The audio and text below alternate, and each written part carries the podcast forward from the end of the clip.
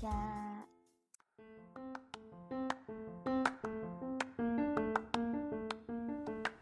Hai semuanya, perkenalkan nama aku Rebecca Martabian Kaltmeten, biasanya aku dipanggil BK. Podcast ini akan aku beri nama Beca, yang artinya BK bercakap. Mungkin namanya agak maksa sih ya, tapi Becak merupakan sebuah benda yang benar-benar berkesan buat hidup aku. Dan di episode pertama ini, aku akan membahas kisah tersebut. Kejadiannya berlangsung sekitar 18 tahun lalu ketika aku masih duduk di TKA, TK 0 kecil. Dulu, aku selalu naik becak kalau ke sekolah, karena kebetulan jarak rumahku ke sekolah itu nggak terlalu jauh.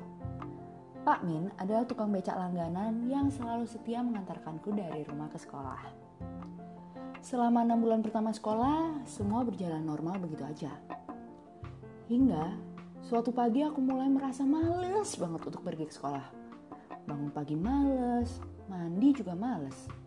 Belum lagi zaman dulu kan godaan kartun pagi hari itu menarik banget ya, yang dulu kartun-kartun di La TV itu. Aku juga gak ngerti deh, kenapa bisa-bisanya aku tuh mager sekolah. Padahal waktu TK kan belum ada hal-hal berat yang dipikirin kayak sekarang pas sudah gede ya. Atau mungkin dulu aku dewasa sebelum umurnya. Gak ngerti deh. Dengan berat hati, aku pun pergi ke sekolah bersama Pak Min.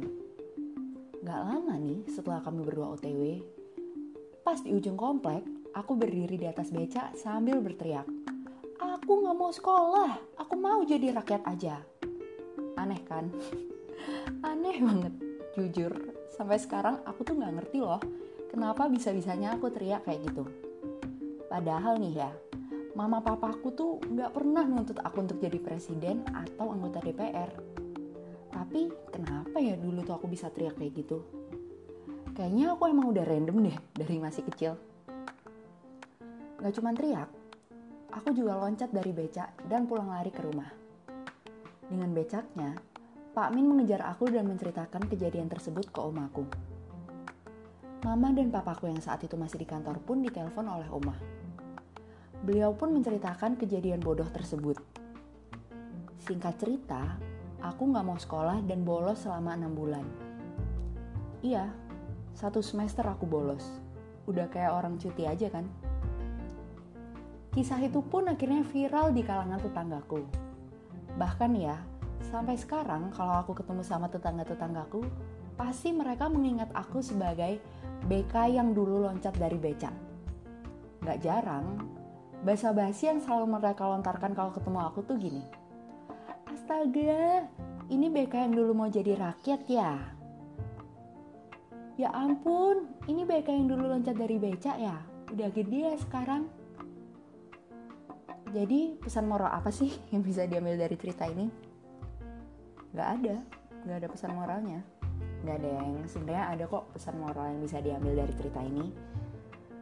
Terkadang hidup itu lucu. Tergantung gimana kita nyikapinnya. Kalau aja nih ya aku nanggepin tragedi beca itu dengan rasa malu pasti nggak akan aku ceritakan ke kalian semua. Tapi aku malah bangga loh karena hal itu pernah terjadi di hidup aku. Kenapa?